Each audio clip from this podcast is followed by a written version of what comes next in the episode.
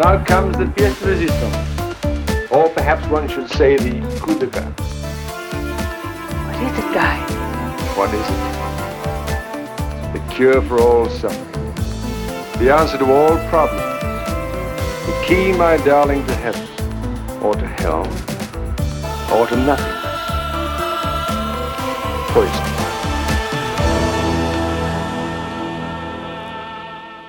Välkommen till avsnitt 243 av skräckfilmspodcasten Vacancy med mig, Erik Nyström. Och med mig, Magnus Johansson. Ska börja med att öppna en öl kanske? Ja. Jag hittade någonting så här, som kändes värt att bara läsa namnet på. För det är någonting lokalt igen. Det är alltså mo- jag kan inte ens säga vad det står. Moonbug Float.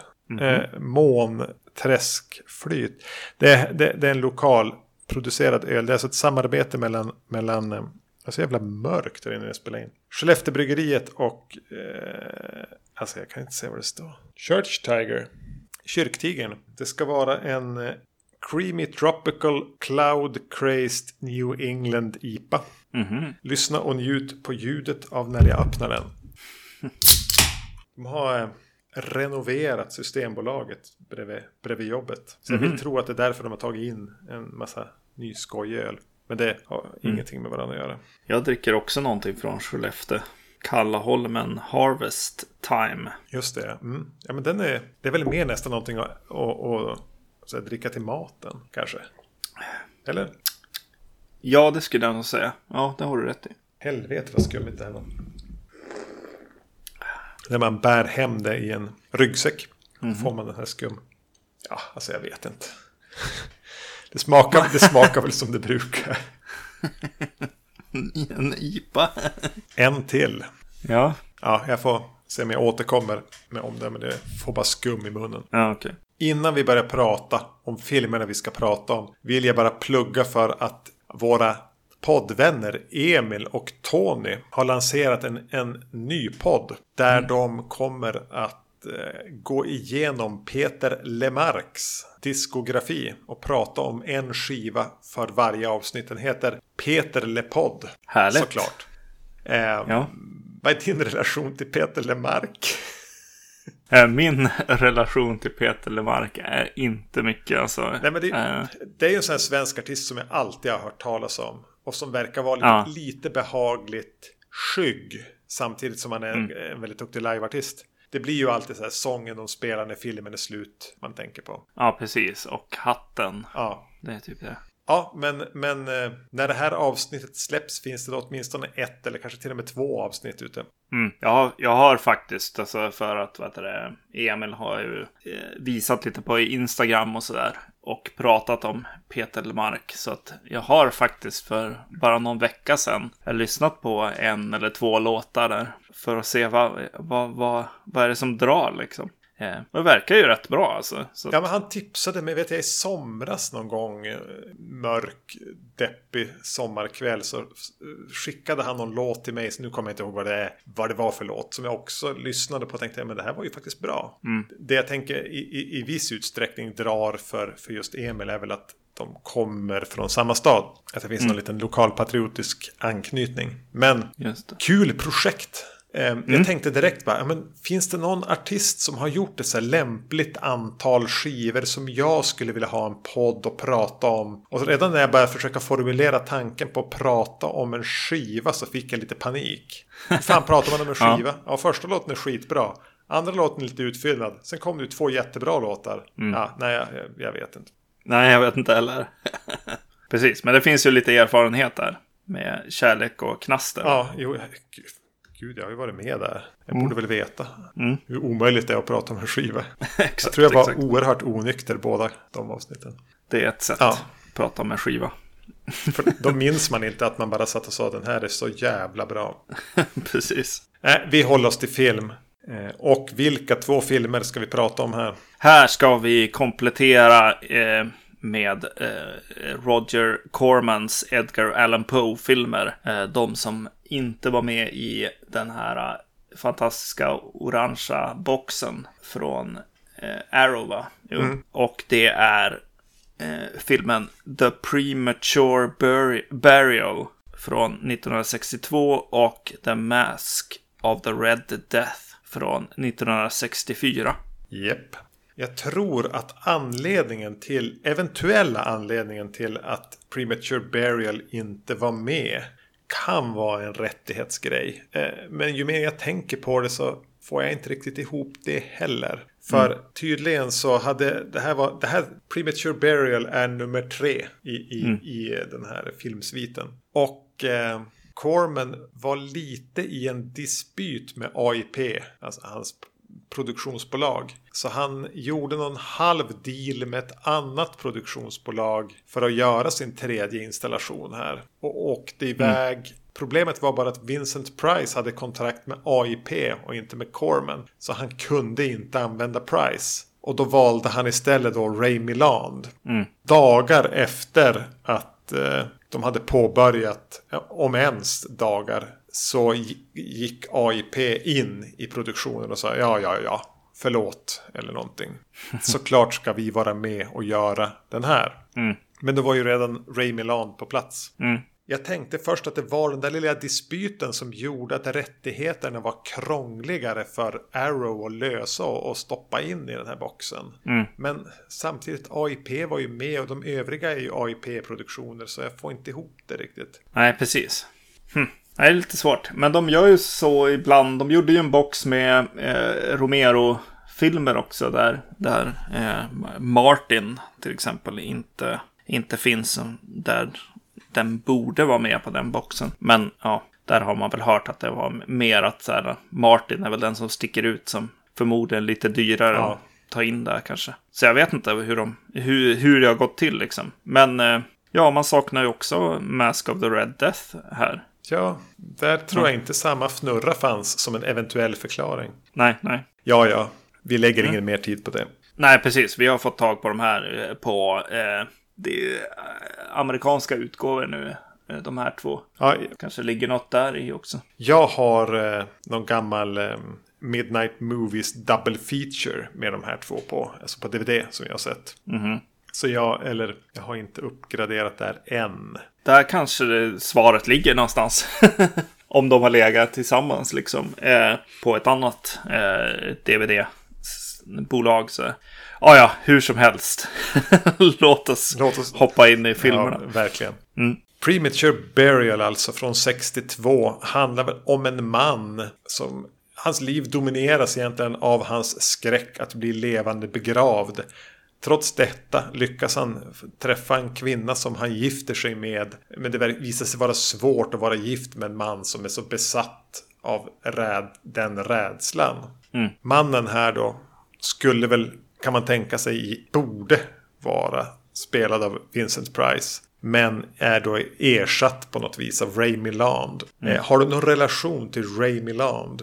Ja, det har jag ju. Alltså Dial M for a Murder och The Uninvited. Alltså han är ju klassisk eh, där och, och ger väl en, en väldig klass till Proceedings här Ja. kan jag tycka. Eh, mycket Hitchcock-känsla ger han ju till, till eh, eh, produktionen. Sen är han ju med i mycket skräck liksom. Ja, han verkar ju som ha, ha vandrat den här vägen någonstans efter att ha haft sin, men, sin Hollywood-period. Så, så verkar han ju ha gjort under de sista 20-25 åren av sitt liv. Gjort skräck. Han var säkert en sväng i Europa också. Alltså han är väl engelsman men han var väl säkert en sväng i... Han kan säkert ha gjort någon italiensk eller spansk skräckfilm också. Yes, yes. Och det måste man väl säga som du säger att han... För mig så man sitter ju hela tiden och saknar Vincent Price på ett sätt. Eller jag gör det. Men det går inte att kritisera Ray Milland för hans porträtt här. Nej, eh, nej precis. Han är ju så charmig och jobbar ju jättemycket med, med sina bl- blickar och sin liksom bara pondus på något sätt här. Helt klart. Särskilt här i, i början. Jag, eh, jag reagerade på att det var det som han har. Mycket, mycket blickar, mycket vad ska jag säga, alltså något, något han kan framhäva något slags, eh, någon slags eh, in, inre konflikt eller ja. sorg eller så. Eh, medan, medans i någon scen så, så ska han börja liksom dra i saker och vara, vara rädd och slå grejer och försöka liksom, ja men bara röra vid grejer. Och det verkar han ha lite mer problem med. Jag bara, men vad gör han? Ta tag i den där tofsen, ryck i den. Alltså liksom, känn på grejerna liksom. Men eh, det blir som att han mimar en scen där. Det är en, en, en, eh, någon slags drömsekvens eller liksom ja, så. som kanske behövde ha lite mer kraft i i sig. Ja, men han är ju betydligt mer... Det går ju inte att låta bli att jämföra med Price. Och han är ju betydligt mer dämpad. Förlitar sig mm. lite mer på det här inre skådespelet kanske. Ja. Eh, så det blir kanske lite energifattigare. Men som sagt var, det behåller ju någon slags klass och värdighet. Inget snack. Nej. Och i, i övrigt är det ju den klassiska settingen i någon slags, även den här var från 62, det är ju någon slags dåtid. Mm. 1800-tal kanske, ish. Mm. Och vi får här, dimmiga skogen. Eh, Cormans ganska eh, ekonomiska och snyggt användande av eh, kulisser som gör att de inte känns så mycket som kulisser som de kanske skulle ha gjort i händerna på någon annan. Mm. Röda stearinljus. Precis, och eh, till och med de röda eh, glasen, vinglasen vid något tillfälle. Men eh, som vi har sett tidigare i de här filmerna. Men det slog mig ju väldigt mycket just set dressing och kanske ännu mer klädvalen. Att de hade valt liksom färger så tydligt. Att det var så här svart och eh, rött på all, alla kläder liksom. Och så en, en, ett brunt slott med kanske lite eh, gröna toner i sig. Liksom. Ja. Det, det, det är snyggt, eh, tycker jag. Det är ju det. Det har ju lite den här gotiska karamellen över sig. Mm. Som bara är så jävla trevligt. Alltså verkligen så här mysrysare. Ja. Och, och, och, den börjar ju med, no, med, med, att de gräver upp en grav dessutom. Precis. Där hoppade jag till för i en väldigt kort bild så får man se liksom vilka som hjälper till att gräva upp den här graven som, som väl är hans pappas grav. Och man får se rivmärken på insidan av kistan. Ja som de gräver upp. Och eh, en av dem eh, som har grävt upp den här kistan åt han. Jag bara reagerar starkt. Jag bara, men det är ju Dick Miller. Ja. Eh, från, från allt, eh, från barndomen. Från the, the Terminator, Gremlins, The Burbs, The Howling. Ja, det mesta. Ja. Police Squad är han med också. Han dog bara här om året också dessutom. Så han har ju varit med länge. Mm. Eh, jo, verkligen. Ännu en av de här som Corman gav liv. Mm. Det var inte bara Jack Nicholson. Det var även Dick Miller. Precis, precis. Tänkte du även på att eh, kvinnan han gifter sig med, hennes pappa, vi ska återkomma till henne. Men mm. hennes pappa spelas då av Alan Napier. Som ju var Batmans bekänt i 60-talsserien. Eh, just det, just det. Mm. Ja, det är det ja. Och, och också så när man tänkte på, ja men han måste ju ha varit över 80 när han gjorde Batman. Men nej, han var så här 55. Mm. Alltså han var ju ungefär det var ju bara några år efter den här. Men han ser så oerhört gammal ut. Mm. Men också, eh, det blir lite klass med de här små skådisarna. Mm. Jag tänkte även, eh, han har, eh, men till skillnad från, från i Batman-serien. Då han är slätrakad så har han så här en ganska buskig mustasch här. Som gör att det är mm. svårt att inte tänka på Sam Elliot. Ja. Och, och, och, då tänkte jag tanken på, tänk att ha Sam Elliot som svärfar. Ja. Och blev så till, till lika delar fylld av förtjusning och skräck. ja.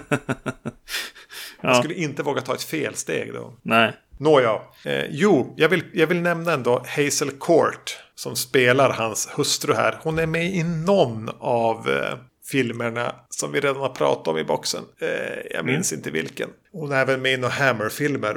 Och hon är med i The Mask of the Red Death. Mm. Men jag känner att just så här exkluderandet av de här två filmerna ur den här eh, boxen och det universum som ändå skapar, vi skapade när vi pratade om dem, raderade ju hennes betydelse. Mm. För hon är ändå med i tre av åtta filmer. Om, ja, jo, Ja. minst. Eh, hon är ju en ganska viktig pjäs. Och jag tycker att hon... Eh, lite synd att hon inte... Vi fick möjlighet att uppmärksamma henne i, en, i en full kontext. Utan att hon som får komma som en eftertanke här. För jag tycker att hon är, hon är viktig. Och hon är bra här. Ja. Och hon är inte... Nu vill jag inte bara säga så här bara. Men alltså det märks att hon, hon, hon har några år på nacken när hon gör det här. Hon är kanske 35, mellan 35 och 40. De har inte bara valt en 22-årig ny, nykläckt eh, skådis som tidigare har jobbat som fotomodell. Utan det finns lite skådespelarpondus och erfarenhet här. Och utan att föregå eh, nästa film vi ska prata om så tänker jag att det är viktigt. Hon, hon, hon tillför någonting annat än ett oskuldsfullt ansikte. Jo, verkligen. Och eh, hon får ju dra filmen på ett sätt för att eh, Ray Milans karaktär går ju ganska hårt in i, i den här depressionen eller den här liksom skrä- äh, rädslan för att bli för tidigt begravd Ja. som, han, som han får här. Eh, och eh, All he wants är- to do is paint and brood. Eller vad hon säger. precis. Eh, nej, precis. Så, hon- så, så hon blir ju, blir ju huvud, huvudroll i stora delar av, av filmen också. När, hon, när hon försöker rädda sin, sin mans eh, liv, eller vad ska man säga? Ja, psykiska Äh. hälsa. Eller kontakt med verkligheten. Är väl det hon slåss Ja, exakt. här. Jo, precis. Som hon ju säger. Och väl... eh, jag, bara, jag bara gissar och hoppas att eh, Edgar Allan Poes eh, his, historia här handlar lite om att men du är ju redan levande begravd så att säga. Ja. Vet du, jag har, jag har beställt nu till slut. Lagom Mm. till långt efter att vi har pratat om de här. Vi får hitta, en, hitta någon slags eh, anledning att återkomma. Men jag har beställt alltså The Collected Edgar Allan Poe. Så jag får väl växelläsa det med Lovecraft. Och se vilket som driver mig till vansinne först. Eh, uh, jag, jag, jag såg lite extra material här och, och det var roligt, vad heter det? För de pratade om att eh, Roger Corman hade liksom hittat eh, lite publik här i och med att eh, de amerikanska ungdomarna liksom hade Edgar Allan Poe i skolan. Så att de, de behövde läsa, läsa hans grejer och lämna in book reports och sånt. Så att eh, han, han gjorde till viss del filmerna för att för dem då. Vi gick och såg filmen istället. och skulle skriva book reports. Vilket tydligen inte var det bästa idén här. Eftersom att de här är, är ganska långt ifrån b- historierna som Edgar Allan Poe skrev. Eh, och här blir det ju, för det har ju funnits med i flera av dem vi pratade om i de tidigare två avsnitten när vi pratade om, om eh, Poe Price, eh, Corman. Eh, har ju funnits den här tråden om att bli eh, levande begravd. För tidigt begravd. Och här kommer liksom den, det här är filmen som är kärnan där. Jag vet inte om det är något återkommande i Poes eh, berättelser eller om Corman bara har låtit det genomsyra allt för att det var, fanns en, en, stark berättelse om det. Oavsett, det, det kvittar egentligen för mig. Ja. Jag gillar eh, konceptet bara att fånga upp en, en, en anda, en atmosfär hos en författare och försöka strössla det över filmer man gör över berättelserna.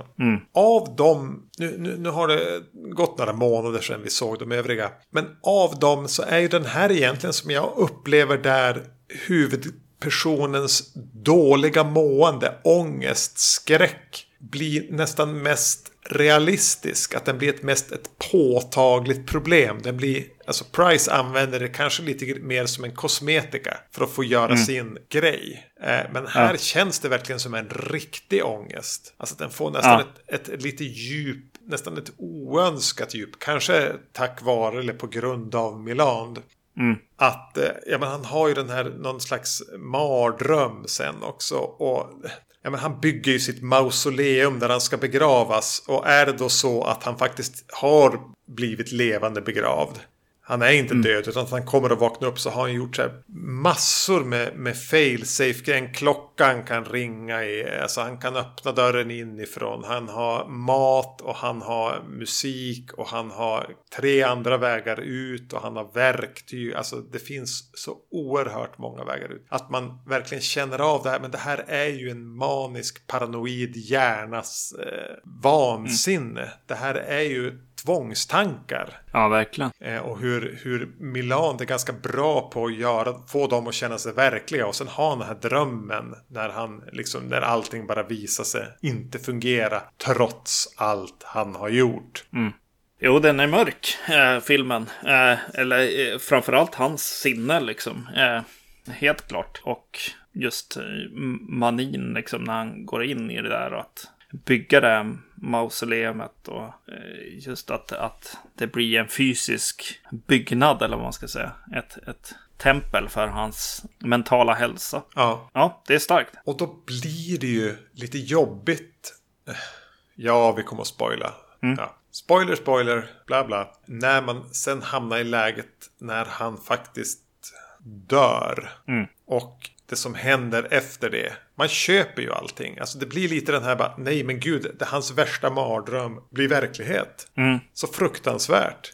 Ja. alltså tänk dig det, det, du har varit mest rädd för i hela ditt liv. Vilket mm. för många kan vara typ vithajar eller mördare. Eller eh, gubben i månen. Vilket är så lågfrekvent att du ska bli utsatt för. Ja. Eh, men bara tänk tanken att, att du har haft en förhöjd rädsla för någonting. Mm. Som har tagit över ditt liv. Och sen drabbas du av det. Alltså det, ja. det, blir, det blir så lite campy, eh, mörkt. Mm. Mm. Så jag, man, man, man, köper ju då alltså hur, hur han reagerar. Men ja, kanske nästan där att den är inne på för mörka områden. Eh, som inte Corman eller filmen egentligen har, har en, en eh, tillräckligt stor duk för att rymma. Mm. Tillräckligt mycket djup. Alltså jag tänkte lite på Mulholland Drive. Alltså den, här, eh, den kända scenen när de sitter på kaféet och han berättar om sin mardröm. Som mm. Det värsta han har drömt och hur rädd han är. Och så går de bak för att titta. Nästan för att försäkra sig om att det inte är så. Mm. Och så möts han av sin mardröm där. Jag fick de mm. vibbarna. Det, var, det, här är för, för hemskt för den här stackaren. Mm.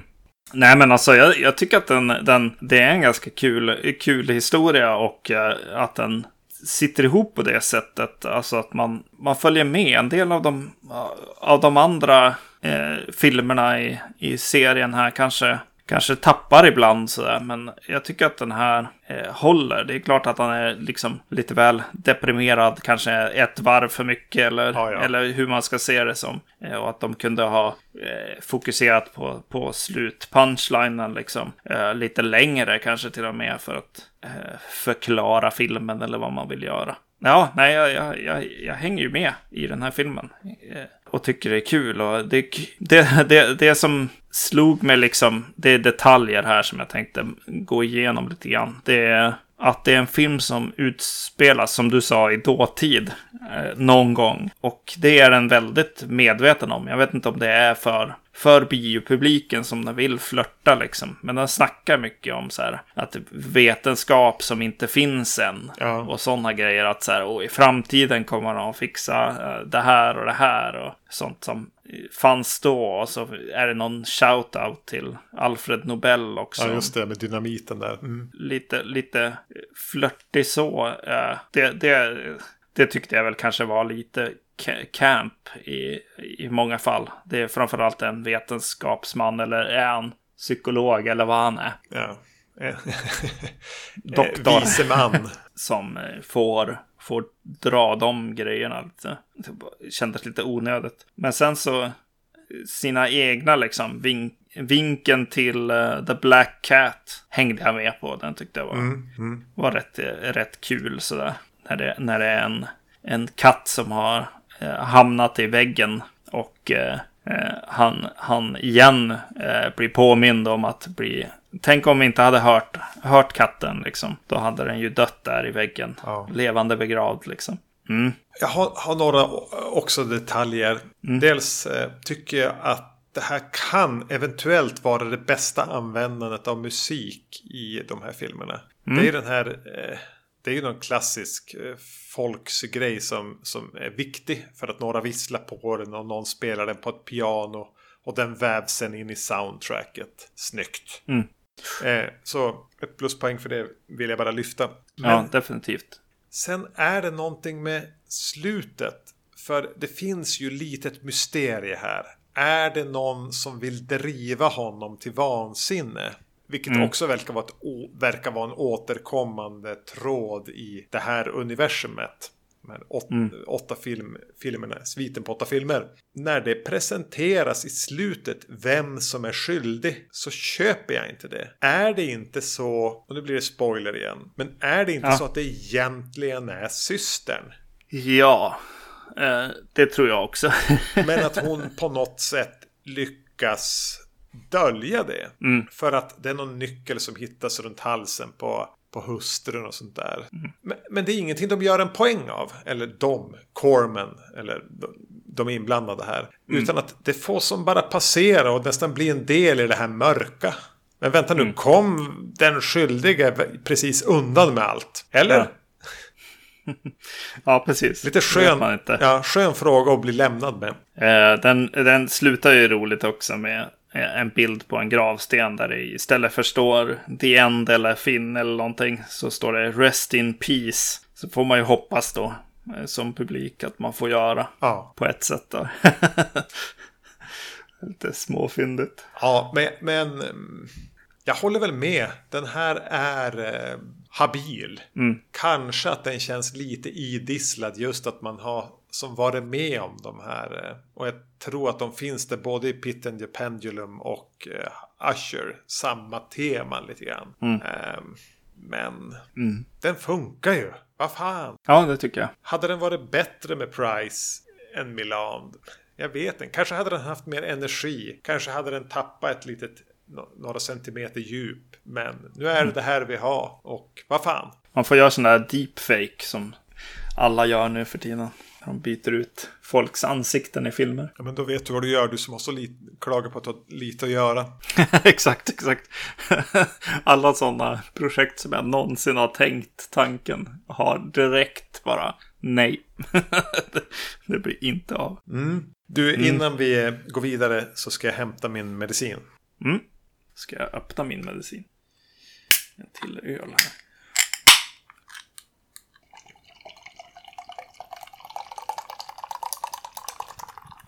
Jag såg faktiskt en film här om veckan.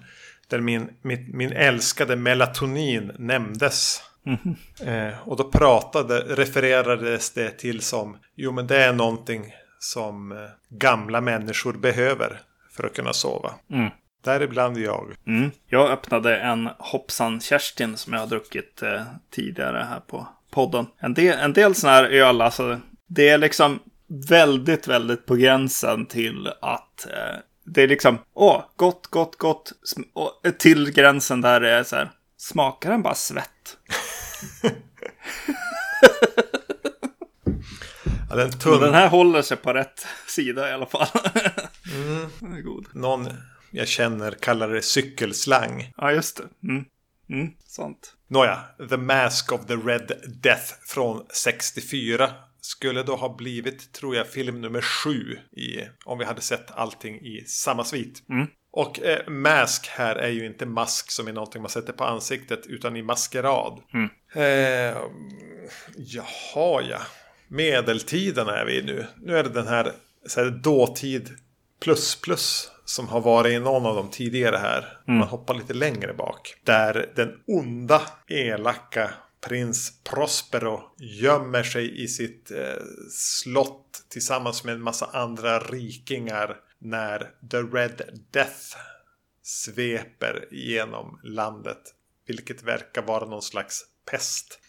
Lite av en händelse har han tagit med sig en ung bondflicka som han har blivit förtjust i till sitt slott. Och eh, det börjar hända lite saker där. Mm, precis. det, det är vad som börjar hända, ja, precis. Man får, man får följa hennes liksom, eh, färd in i, i den här konstiga dekadenta världen där han liksom eh, som han leder med järn, eh, järnhand där och eh, tvingar folk att göra löje, åtlöje av sig själva. Ja, till andras underhållning eller det är väldigt så här, hedonistiskt och lite ja, väldigt, väldigt dekadent. Dekadent Mm. överklass som, som festar loss i ett slott när världen utanför går under i princip. Mm. Och eh, Prospero här är ju då Vincent Price som är tillbaka. Just det. Den öppnar ju eh, med att han kommer till en by och där han ska hämta den här Fran Francesca. Han får väl så bara för sig det när han får syn på henne eller vad det nu är. Eh, ja, precis. Eh, han är ju där bara för att, att jävlas och kanske dö, döda någon eller, eller sätta skräck i, i, i samhället på något sätt för att eh, visa sin, sin makt. Utöva sin makt. Han har några fantastiska repliker här, Price. När någon, typ den manliga hjälten som har en väldigt perifer roll, ska vi säga. Bara snäser åt honom liksom. Ja, och vi får väl ta smulorna som faller ner från ditt bord. Och han bara, ja, exakt så. Exakt så, ja, just det. Ja, just det. Han skulle bjuda in dem till någon slags eh, fest efter att han har tagit hela deras skörd, liksom. Ja. Och eh, sen är det några som säger ifrån där och eh, eh, Francescas far och hennes eh, kille, eller älskade. Mannen De jag två. älskar. Ja, de två ställs eh, emot varandra och Francesca blir tvingad att välja vem av dem som ska dö. Det, det leder eh, till slut eh, till att de får reda på att The Red Death är där pesten har kommit. Eh, så han tar väl med egentligen henne och de här två, två fångarna. Liksom. Henne för att han blir intresserad och de för att kunna utföra den här hemska tortyren liksom, mot henne Ja. senare. Han tänker liksom, ja jag kan ha användning för de här. Eh, och eh, ja men Price här är ju så härligt diabolisk. Camp-ish. Men ändå, ja, nästan med ett nytt mörker. Mm, precis, den här, den här medeltiden är ju väldigt mycket den som är i, i Visby, eh, liksom på, so på somrarna. Eller, det, det är medeltidsveckan liksom. Eh, och eh, väldigt färgglatt. Och eh, hans utstyrslar liksom gör ju verkligen det till, till en, en film där det inte bara är mörker på något sätt. Han har ju inte en, en han är inte en karaktär som är som, vad heter han, i, i Pit and the Pendulum som vi såg här senast, eh, vad heter han, Eh, Lance Henriksen i, i, i den från 90-talet. Ja, som är lite enton i sitt eh, mörker. Och dedikation till, till katolska kyrkan, eller vad det nu är. Ja, nej, utan det här är ju mer, mer eh, kul så att säga kanske, eh, som tittare. Ja, och så dyker ju direkt under den här första scenen Patrick McGee upp. Som Mm. är en av mina favoriter. Märker ju direkt bara han stack in skallen från, från, från kulisserna där. En sån här- Ja. Kubrick-skådis som har, var kanske med i någon av de tidigare. Vi har då pratat om han. Ja, precis. Han är ju med i, eh, i Kubrick-grejerna i Clockwork Orange och Barry Lyndon. Men han har ju skräck. Jo, jo, han har varit med i några liksom. Hammer-filmer. Jag undrar om inte han... Han är med i en av, eh, vad heter han, Bo Borovcek? Nej, vad heter han? Jo, heter? Valerian Borovchik-filmerna. Mm, precis. Någon av dem. Den här, eh, vad heter den? Dr. Jekyll, Mrs. Hyde eller? Ja, vad det nu var. hette. Ja, just det. Mm. Eh, och så är han med i, den har vi inte pratat om än, men eh, Lucio Fulcis The Black Cat. Ja, dit kommer vi. en Poe-film. Ja. Men det är verkligen en av mina här, favorit av de här, ja men typ alkis-skådisarna. Så är ju han topp tre. Han, Oliver Reed och säkert någon till. Men, men alltså, jag tycker att man känner av, man känner nästan alkoholstanken här. Eh, och även är, finns det något intressant i samspelet mellan honom och Price. Han är kanske någon med hög, i det, i det stora perspektivet en större makt. Men nu är vi här. Nu är vi i Prosperos borg. Då är det bara att acceptera hans villkor. Så Ja. det finns lite maktspel där. Nej, men jag, jag håller med. Han är ju fantastisk och han är ju ofta liksom eh, lite äcklig eller vad man ska säga. Det finns en, en per, perversion eller någonting liksom perverterat med han. Ja. Eh, ofta när han är med. Det kan inte tänka mig att han har fått spela the romantic lead i någon film någonsin. Nej. Nej. Eh, men det hade inte jag fått göra heller. Nej. Just det. Eh, hon Francesca, hon spelas av Jane eh, Asher. Som eh, väl jag inte har sett någonting i, med, tror jag. Eh, det som, som slog mig när jag började så titta efter den var att eh, hennes stora claim to fame, skulle jag säga, i alla fall googlingsmässigt, är att hon har haft en relation med, med eh, Paul McCartney. Ja. När, när det begav sig. Jag tror jag läste någonting om någon anekdot om att hon tog med han till inspelningarna av den här. Och, och Roger Corman hade ingen aning om vem det var. Nej, det är bra. Ja. Yes. Om vi bara går på så här namn då. Så Daniel Haller har ju varit med och jobbat med production design här. Och han var ju den som regisserade Die Monster Die. Som vi pratade om här tidigare. Eh, tillsammans med The Color Out of Space.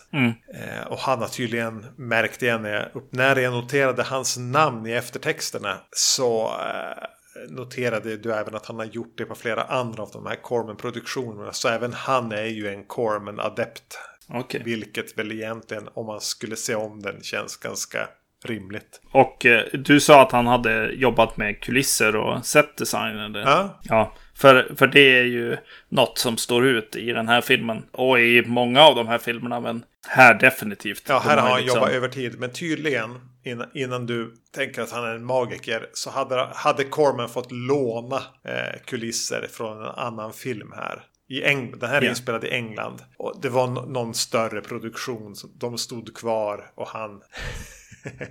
som den han är lyckades väl snacka sig till att få låna dem då under en period. Och även så valde han att utöka inspelningstiden här. eh, Mot, för han, han höll ju ett ganska tajt schema hela tiden. Men här gav han det lite fler veckor och de fick låna kulisserna från en större produktion. Och, sla- eh, och Haller satt, fick väl jobba loss. Precis, men skulle man, ska, ska, man, ska man ta för givet då att eh, även de här färgade rummen skulle vara eh, något från den produktionen? För i så fall står de ju ut ganska Nej, mycket i så fall. de, de tänker jag hör till idén med den här filmen.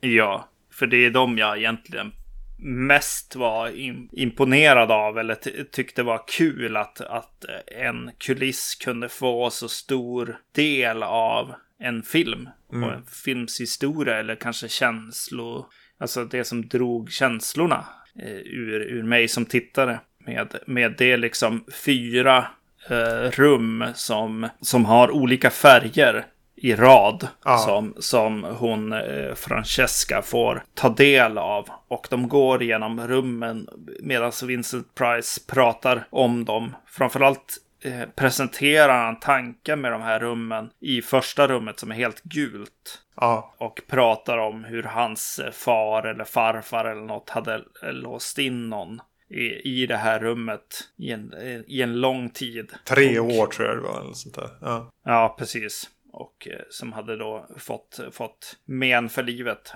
av den här gula färgen. Och eh, eh, fick panik varje gång han såg något gult helt enkelt.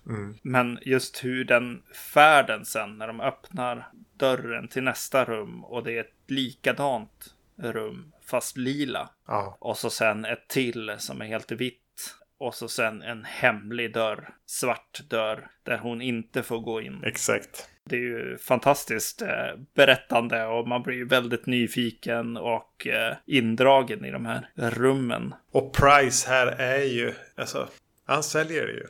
Jag tänkte när jag såg det, men är det här, är han som bäst här? Men sen när jag backar mitt lilla huvud, så, alltså, han är ungefär lika elektrisk i alla de här sju filmerna han är med i. Jävlar vad han bär dem. Ja, Tillsammans med, med övriga inblandade. Men alltså, han presterar verkligen på långt över sin förmåga. Jag tänker framförallt på vandringen genom de här noggrant designade rummen. Ja, de är inte bara noggrant, de är även smakfullt inredda med sina färger. ja, Och man anar ju att det finns en symbolik här som man inte riktigt får fatt i. Nej, precis. Det gör väl ingenting, men ändå. Nej, precis, exakt. Och eh, det är ju roligt att, att eh, Pat, Patrick McGee får, får en kanske att tänka ett varv till. Kanske på, eh, tänka lite på Stanley Kubrick. Ja. Han gör sig påmind även i setdesignen här på något sätt. Här har, mm. de tydligen, har ju tydligen Corman och ja, men vad heter han? Charles Beaumont. Som skrev, han skrev både förra och den här. Plus någon annan av Cormans eh, stall av författare som heter R. Wright Campbell. Valt att, att, att, skriva in andra Poe-historier som de här två dvärgarna som dansar. Är ju mm. tydligen en separat historia som de har valt att väva in i den här historien. För att ja, men bara ger en mer liv och intrig. Mm. Och av de här, nu går jag lite bara på, på känsla. Mm. Så känns det som, av de här åtta är ju det här den mest välskrivna. Den som har mest att berätta. Den som inte fyller ut mycket med bara så här vandra med, med en kandelaber i en spindelvävsfylld korridor. Mm. Utan här finns det lite lite mer intriger. Ja. Från början till slut ska man väl säga. Mm. Ja men det är inte bara stämningar eller price, campy performance, spindelväv och sånt som håller, håller en igång. Utan det, det pågår ganska mycket här. Ja.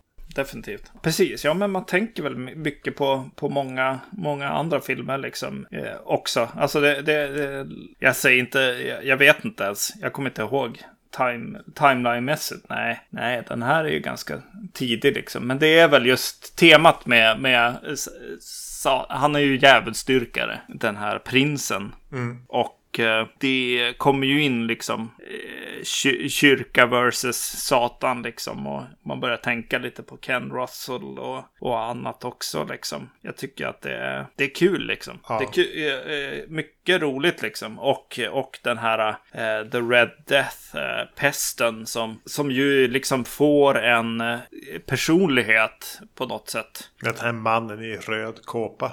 Precis, ja. exakt. Vid trädet som, som stoppar folk som, som går förbi. Ja. Och pratar om hur det är dags att komma lite Bergman-eskt. Ja men definitivt. Alltså, den här andas ju väldigt mycket samma luft som Sjunde inseglet. Ja, jo. Ja, och det är ju definitivt den av eh, den här filmsviten som är mest arthouse. Mm, precis. Och jo. har högst ambition. Jo, det är väl kanske därför. Ja, precis. Det är därför Kubrick och, och Ken Russell och, och Ingmar Bergman och så vidare gör sig påminda här. Ja, men till och med Nicholas Rogue var ju med och fotade den här. Så alltså, det, eh, Don't Look Now Rogue. Mm. Kanske mest ett kvitto på hur eh, bra Corman var på att hitta talang. Men, Ja, men eh, den har ju en helt annan ambition än kanske någon av dem vi har sett hittills.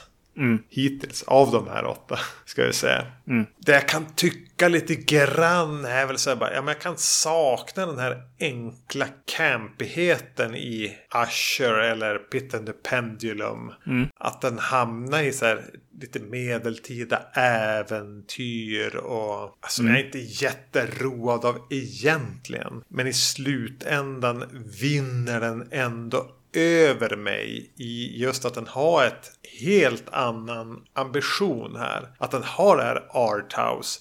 Den vill kanske säga någonting som du var inne på. Liksom att, att, att Vincent Price här är ju satanist eller djävulsdyrkare. Men man tänker ändå att ja, han har gjort en ganska korrekt analys av omvärlden. Att, att eh, den är ju ond. Om det fanns en gud så är han i sådana fall död. Utifrån det jag kan se här och nu. Så varför inte dyrka honom som verkar vinna? och, och, och filmen ställer sig också lite grann på den sidan. Men det som sen kommer in är ju de här, eh, hur många de nu är, men olika död.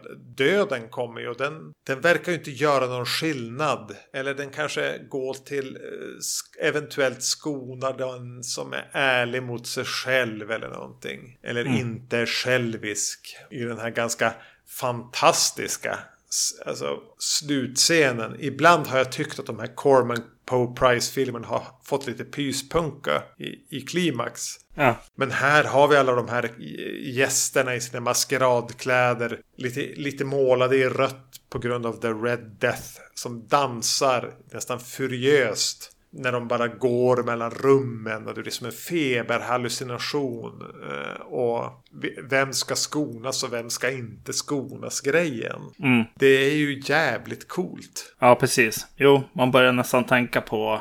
Ja, jag tänkte både på, vad heter den, Mother Aronofskys film och Suspiria-remaken. Ja, Och, och även faktiskt Maniac, eh, eh, originalfilmen där. Det, det är just hur, hur eh, allt eskalerar och allt kommer, kommer för att ta en i slutändan. Liksom. Det, är, nej, det är coolt alltså. Absolut. Och eh, den, den, är, den är rätt skön också i, i den här eh, Simon King of the Witches dekadensen. Liksom, också. Ja. som, som, som kommer liksom. Eh, det blir, blir en, Eh, en ganska rolig kontrast där. Eh, men jo, men jag tror att jag håller med dig. Jag, jag tror att vissa, vissa aspekter blir så här. Eh, jag, jag tänker han, han sitter där i sitt torn och de kommer liksom från byn och hjälp oss, hjälp oss. Då, då hade jag lite mer så här. Det var, det var lite så här små små trist liksom. Men eh, när, den, när den väl inne i borgen och inne i liksom den här mystiska och konstiga relationerna som finns liksom. Eh, hon, Ha- Hazel Court. Ja, vi måste ju nämna henne. För hon kommer ju tillbaks som... Hon är väl typ Price gemål eller någonting. Men sen kommer ju den här eh, bondflickan in. Så det blir ju som en konkurrenssituation där. Ja. Och även här får vi lite så här hallucinogena drömmar. Och djävulsdyrkan och allt. Och, och här är ju Hazel Court fantastisk. Mm. Hon är otr... Alltså, kan... Ja, nej, det går inte att trumfa Price i någon av de här filmerna. Det är omöjligt. Men, men, men hon är väl i den här den som är närmast i att, att ge, liv åt en karaktär. Mm. I, i, i eh, jakten på att eh, behålla sin, sin man så blir hon eh, Satans liksom, fru på något sätt här. Ja. Det här blir en litet eh, frågestund bara utifrån det du har sett och vad jag har sett. För att på den Blu-ray som jag köpte så var det så här, oh, vill du se extended eller vill du se eh, vanliga Ja. kutten? Eh, så jag måste fråga om en sak. Fick du se henne bränna in eh, ett upp och nervänt eh, kors eh, på bröstet? ja. Eh, Okej. Inte supergrafiskt eller så, men Precis, men hon, men hon stod vid ett altare och gjorde det. Liksom. ja. Ja, okej. Mm. Eh, jag, tror, jag tror att det, det var en av de scenerna när jag googlade som skulle ha varit förkortad. Jag tror att det var några sekunder liksom. Ja. Skillnad mellan de här. Så kan det säkert ha varit. Men det, ja. Mm. Mm. Och, och fan vad hon säljer in scenen när hon blir eh, mördad av en korp. Ja, verkligen alltså. ja, det, eh, det är riktigt cool, coolt och kommer från ingenstans och Ja, men precis. De här när ett djur, den här typen av lågbudgetfilmer när ett djur eller flera djur ska ha ihjäl en människa brukar bli eh, löket lökigt och pinsamt. Men här är det så, alltså, det är både snyggt klippt och Hazel Court säljer det fantastiskt. Den är ju också lite så här... Shit vad, vad, vad konstigt och obehagligt. Eh, en viss relation där som, som finns. Det är ju liksom en kvinna som han har ju liksom i sitt court liksom för underhållnings skull någon dvärg och alltså så här gamla skolans eh, freakshow eller vad man ska säga. Ja, verkligen narren OSV. Mm. Eh, och så finns det en som, ett barn som är en kvinna. Ja, Eller en? En, en kvinna som ser ut som ett barn. ja, jag tänkte det. Nu hann jag inte kolla upp det innan vi spelade in. Eller han glömde. Ja. För mannen där är ju uppenbart någon som, som, som eh, har dvärgväxt. Men kvinnan Ja, okej. ser ju mer ut som en åttaåring. Ja, jag tänker ju att hon är dubbad av en, av en kvinnoröst och Ja. är, ett, är ett barn liksom. Ja, men visst är hon det. Ja, det måste jag ju tro. eh, Men det är lite för- som att filmen vill ducka för det eller någonting. Och de har ju en ren relation med varandra. De är ju kära i varandra liksom. Patrick McGee kliver ju in där, villiga steg och sexualiserar henne stenhårt. Ja, det, det är rätt eh, o, obehaglig Ja. eh, del av filmen på något sätt. Här, helt klart. Eh, det, är, det är verkligen ett, ett sätt att göra det här, eh, hans hov, eh, rätt obehagligt. Ja. ja, men det vill ju målas ut som det här dekadenta rikingarna som, får, som ska få vad de förtjänar. Som nästan njuter av att förutmjuka sig själva. Mm. Jag tycker också att liksom han som förs av, av den här eh, mannen i relationen till, till sin eh, död genom liksom eh, bli lurad in i en, i en apdräkt och sen uppeldad inför alla. Det är en stark scen alltså, och eh, man vet ju vart det är på väg hela tiden också. Att, att det är något som inte stämmer med, ja men ta på dig den här dräkten, det blir jättekul. Eh, alltså, Ja, är jävligt snyggt strösslad genom berättelsen. Alltså, Ja, exakt. Det här är någonting som inte bara något som avhandlas på fyra minuter som en, som, för att fylla ut tiden. Utan det känns ganska in, integrerat hela vägen. ja, precis. Riktig uppbyggnad till, Ja. till en. Och till, eh, hur, hur, hur de som då betraktar det här tycker att det där blev kanske lite jobbigt. Men sen dansar vi ändå bara vidare i vår dekadens. Ja, precis. Eh, Vincent Price fattar på ett sätt att han bara viftar bort det och bara tar bort det där. Eh, nu dansar vi liksom. Nej, men det är en, det är en bra film. Ja, ja. Den, den, högst konstnärliga ambitioner i den här sviten. Och eh, han sätter ju det Gorman. Vilket blir lite jobbigt. Alltså, ja, han är, han är ju en som gör tio, om han, om han bara hade möjligheten skulle han göra tio filmer på ett år. Ja. Och ändå har han den här räckvidden. ja. Hur känns det egentligen om man går till en själv där vi sitter nu här och spelar in? Att se en massa folk försöka gömma sig för en smitta i en borg, avrätta de fattiga för att slutligen bara gå under ändå. För att det går inte att komma undan. Mm. För jag tänker ju mig själv i den här filmen som en av dem som dansar där i någon ful gulgrön maskeraddräkt. Mm. Det var ju där jag såg mig själv här. Ja, precis. Jo, det är ju dit vi, dit vi eh, eh, strävar i samhället på något sätt. Ja. Just nu. Eh, ja, jo, den är, ju, den är ju speciell och aktuell kanske, den här filmen. Eh, Det, det jag ska säga att, att eh, det här var väl den som hade så här rediga eftertexter också. Mm. Tarotkort och grejer. En röd hand som la kort på ett sätt som ja, måste ju ha varit ganska nytt 64. Mm. Men hur som helst under de efter, eftertexterna så klickade jag hem en, en beställning av Blu-rayen. För jag tänker att det här är någonting som, ska, som jag vill se igen. Mm. Svår fråga att svara på. Men, eh, och jag, särskilt eftersom jag inte minns hur vi placerade de här ursprungliga sex filmerna i förhållande till varann. Men har du någon känsla av var du skulle rangordna de här två vi har sett nu i tillsammans med de övriga? Alltså det är svårt, svårt nu. Alltså det, vi, har, vi har haft eh, lite tid mellan här liksom. Och jag vet att de tidigaste som jag, som jag såg eh, liksom först så att säga gjorde mest intryck på mig. Eh, och, och jag får väl kanske den känslan igen nu med några, någon månad mellan liksom att ja men det här är ju bra liksom. Så det, det, det är nog absolut, jag, jag skulle nog säga att båda de här hamnar på, på övre, övre delen helt klart.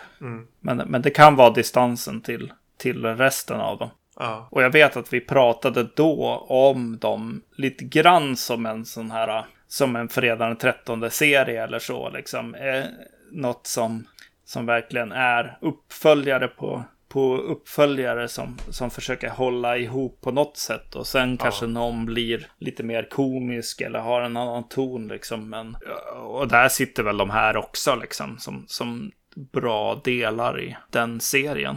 Ja, det är synd att man inte fick se dem i, i ordning. Mm. Men här, spontana känslan är ju för mig att, att Mask skulle hamna högt upp tillsammans Mm. med ja, men Usher och Pendulum. Jo, men absolut. Det är väl de tre som ko- kommer in i mitt huvud också. Och sen tänker jag att Premature Burial och den här... Eh, eh, nu kommer jag inte ens ihåg. eh, Palace of någonting. Mm. Med alltså, Lovecraft-filmen och så tillsammans med... Ja, jag vet. Kanske någon till hör till en viss kategori. Ja, vad heter det? Eh, Tomb of Lygia. Ligger Ja. där i ett eget. Och då tänker jag att nästan att Premature Burial och Lygia ligger snäppet före för, för den där Lovecraft-grejen dog så fullständigt. Ja, det var väldigt synd. Ja. Eh, Ah, nu ska vi inte bara sitta som några jävla gubbar i, i, och försöka minnas saker när vi matar duvorna. Men det känns bra att få komplettera med de här och det är skönt att det inte bara var liksom att, vi, vi, att det var extra material det här. nej. Som hade sorterats bort för att de inte dög. Och, och just Mask of the Red Death har ju en... Ja, men på ett sätt kanske det är den bästa filmen i hela sammanhanget. Mm. Därmed inte sagt att det är den jag tycker bäst om. Men någonstans har den en ambition och även ett genomförande som sticker ut lite grann. Ja. Eh, Och jag tror att, att den skulle falla många på läppen ändå. Mm. Som lyssnar på den här podden. Ja, precis. Och eh, när, när man väl faller för den här filmen så måste jag också ge en liten shout-out till eh, affischen. Det är otroligt cool. cool affisch som finns här med, med det här med eh, Vincent Price eh, röda ansikte fullt med gestalter och, och grejer liksom eh, att titta på. Ja, verkligen. I nästa avsnitt så har vi inte riktigt bestämt oss än. Jag har fått i uppgift att hitta någonting som finns i båda våras hyllor. Så jag, jag tänker att det kan nog bli ett bra avsnitt i alla fall. Men vi har inte bestämt det än tyvärr. Nej, ni märker ju. Mm. De flesta av er vet var vi finns på Facebook. Eh, podcast at vacancy.se om man vill skicka ett mail. Diverse podcastleverantörer. Och ni får gärna, om, om, ni gillar den här typen av eh, skräckfilmer som vi pratar om och vet att ni har en kompis som också gör det och behöver en, en podd när hen tar sig till jobbet eller hanterar disken eller dövar ångesten som det här livet ändå till stor del består av. Tipsa dem om våran podd. Eller ge oss bara eh, höga betyg på iTunes om iTunes nu fortfarande finns. Det är väl lite oklart, jag vet inte. Ja. Ja, men, men, men eh, bli då en liten överraskning om vad vi ska prata om i nästa avsnitt. Mm. Ja, ha det bra. Hej då! Hej då.